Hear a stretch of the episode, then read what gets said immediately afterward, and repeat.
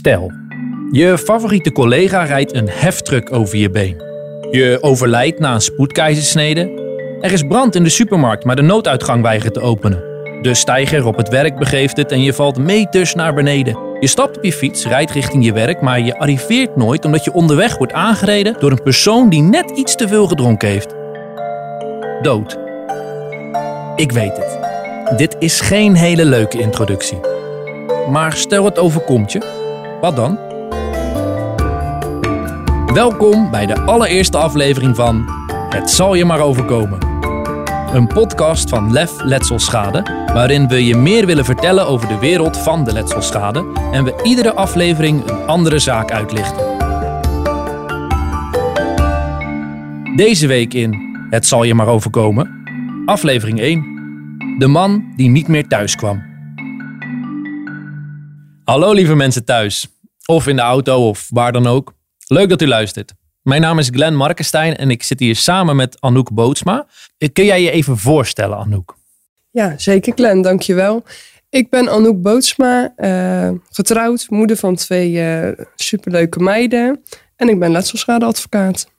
Ten eerste leuk dat je dit samen met me wil maken en dat je me hiervoor gevraagd hebt. Ik voel me vereerd. Waarom wil je deze podcast maken? Uh, het leek me leuk om op een andere manier mensen te informeren. Iedereen kan het overkomen en uh, nou ja, je kan genoeg informatie vinden en dat kan je lezen. Maar ik dacht van op deze manier kunnen mensen uh, meer te weten komen, gewoon bijvoorbeeld tijdens een wandeling. Dat ze het gewoon lekker kunnen luisteren. Ja, dus eigenlijk een beetje op een, op een, een luchtige, leuke manier vertellen over wat je doet en wat een letselschadeadvocaat doet? Ja, en wat ik tegenkom. En, en wat doet een letselschadeadvocaat? Een letselschadeadvocaat die helpt slachtoffers en nabestaanden om de schadevergoeding te krijgen waar ze recht op hebben.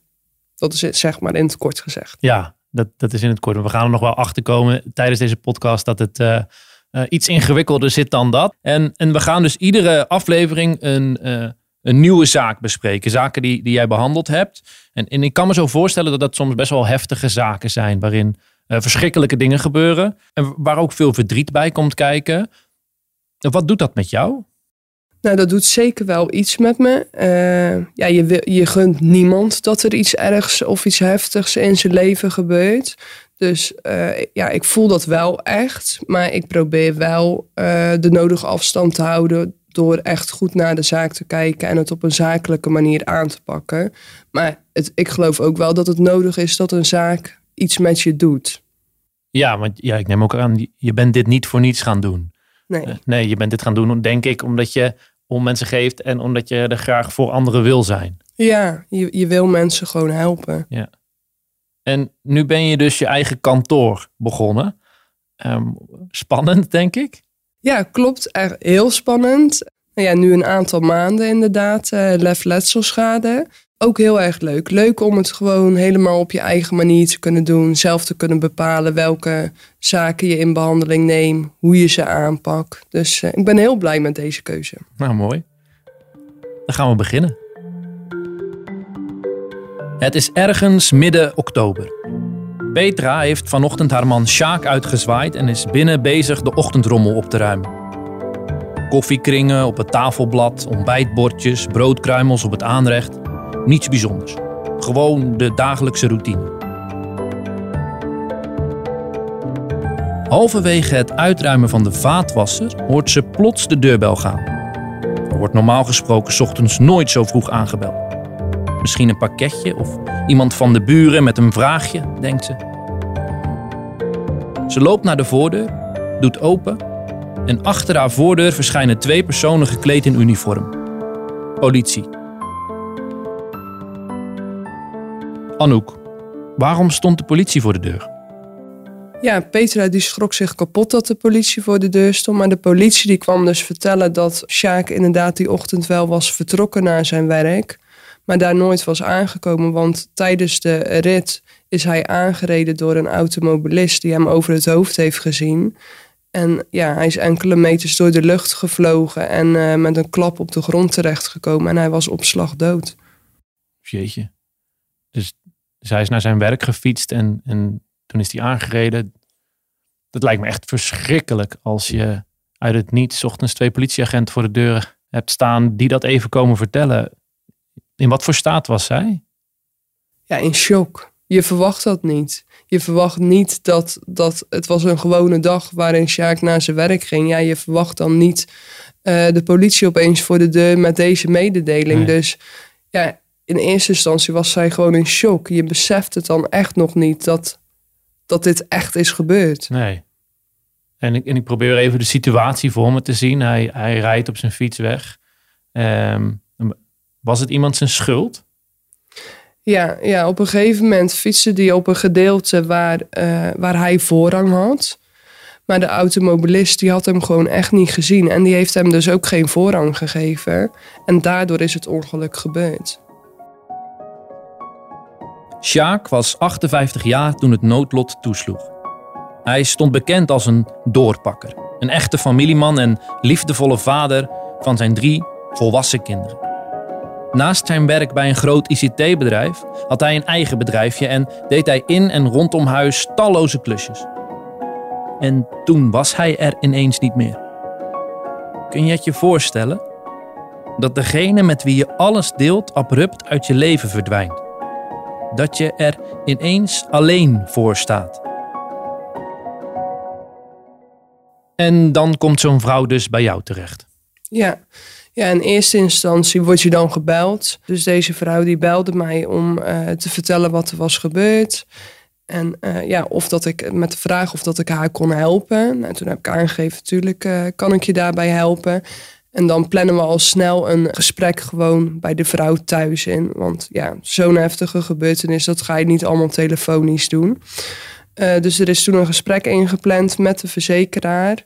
Nou, ik kom dan wel een half uurtje eerder. Want ja, ik wil mijn cliënten gewoon voorbereiden op zo'n gesprek. Zo'n gesprek is ook best spannend.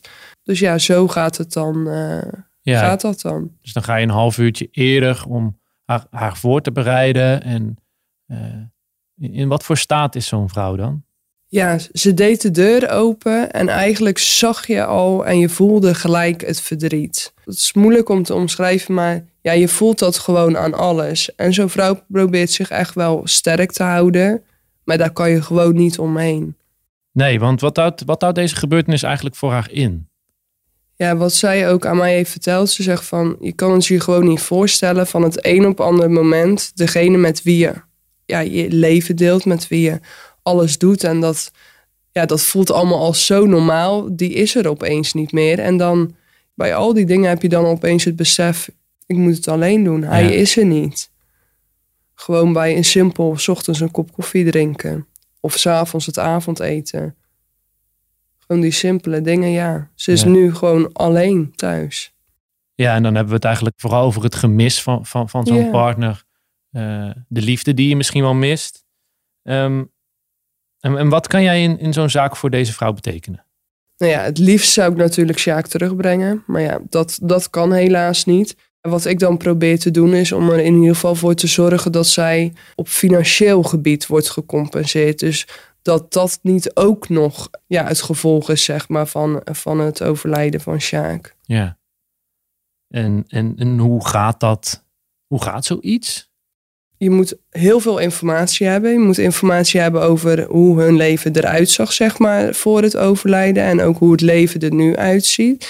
En dat zijn dan alle financiële gegevens. Dus bijvoorbeeld uh, ja, Sjaak had een, had een goed inkomen. Hij hmm. bracht ongeveer 6000 euro per maand netto binnen. Daarnaast had hij nog een klein bedrijfje. Dus dat zijn belangrijke dingen. Was het wel voor Petra heel moeilijk om, de, om achter die financiële gegevens te komen.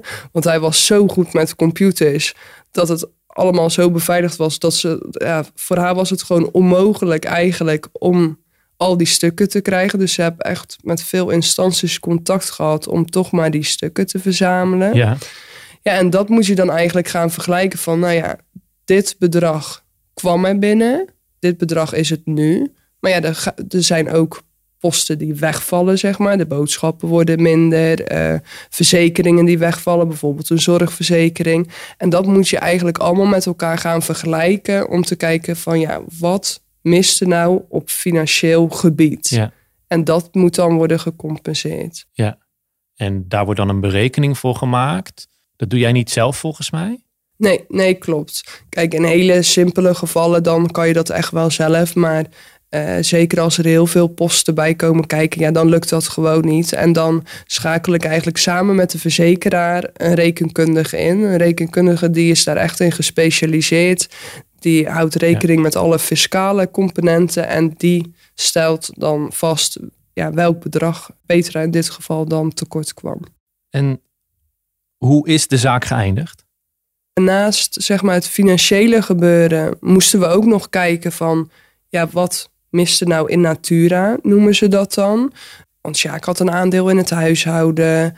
Hij verrichtte kleine klusjes in huis. Hij deed alle tuinonderhoud. Dus dat moet ook nog zeg maar, worden bekeken van, want dat valt weg. En dat moet of Petra zelf overnemen. En als ze dat niet kan, moet ze iemand inschakelen. Dus daar moet dan ook nog een financiële vergoeding tegenover staan. Dus eigenlijk de zaak eindigde met van, nou ja, een berekening. Wat is dan het financiële gemis? Wat voor vergoeding krijgt ze voor het gemis in natura? En daarnaast heeft zij dan recht op affectieschade, net als haar kinderen. En ja, alles bij elkaar, ja, praat je echt wel over, uh, over een aantal ton. Ja. En daarmee is de zaak eigenlijk geëindigd. En Anouk, wat doet zo'n zaak met jou? Ja, deze zaak die deed echt wel veel met mij. Um, ja, ik reed ook naar huis, zeg maar, na dat, na dat eerste gesprek dan bij Petra thuis. En dan, dan heb je echt wel het besef van, oh, ja, ook bijvoorbeeld bij ons kan dat gebeuren. Ja, het, is, het was ook niet een hele hoge leeftijd of wat dan ook. Iemand staat gewoon normaal in het leven en die komt opeens niet meer terug. En dan besef je echt wel weer dat ja, iedereen dat kan overkomen. Niemand verwacht dit van tevoren. En dat is echt wel heftig. Nee, maar jij maakt die zaken natuurlijk allemaal van zo dichtbij mee. Dat, het, dat lijkt mij de uitdaging erin. Uh, om dat niet allemaal op jezelf te betrekken of zo. Dat je niet uh, bij iedere zaak gaat denken, oh, dit kan mij ook overkomen. Um, moet je daar ook niet een soort schild voor creëren of zo? Om dat niet te, te dichtbij te laten komen? Nou, ik denk dat het niet zo erg is als je even dat besef hebt. Maar je moet er niet in blijven hangen. Kijk, als je erin in blijft hangen en constant denkt aan wat er allemaal kan gebeuren, ja, dan heb je gewoon geen leven meer. Nee, dan is dat, dit niet het juiste beroep voor nee, je. Nee, nee. En, en dan hoe gaat het nu met de bestuurder? Nou ja, de bestuurder was een jong persoon die echt nog niet heel lang de rijbewijs had. Dus de bestuurder die heeft er ook echt wel heel veel last van gehad. En waarschijnlijk nog steeds. Ze heeft wel ook contact opgenomen met Petra om ook echt te laten zien hoe erg ze het vindt. Ja. Ja, en ik weet nog dat Petra toen ook tegen mij zei van ja, Anouk in deze zaak zijn eigenlijk alleen maar slachtoffers. Bijzonder dat, dat ze dat kan zeggen.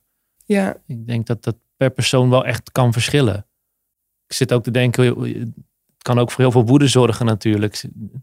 Knap dat ze dat zo kan doen, denk ik heel, heel knap. En ik denk dat het ook wel meespeelt, zeg maar, hoe de situatie is geweest. Ik denk dat, dat ze wel anders had gereageerd, bijvoorbeeld als de bestuurder gewoon veel te veel had gedronken.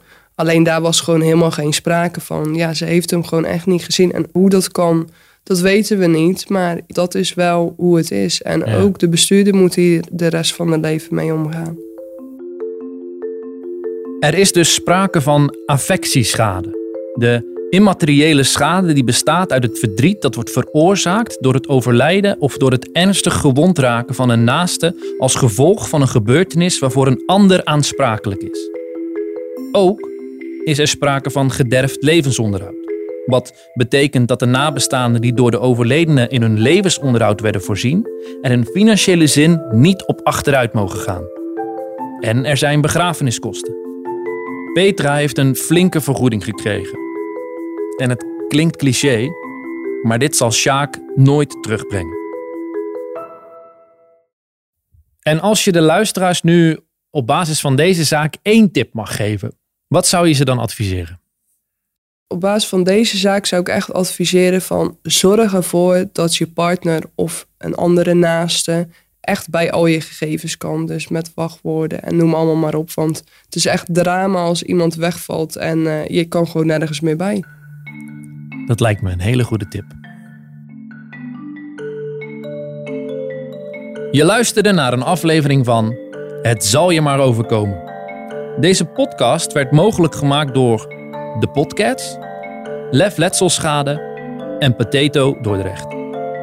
De zaken zijn anoniem, daarom gebruikten we andere namen.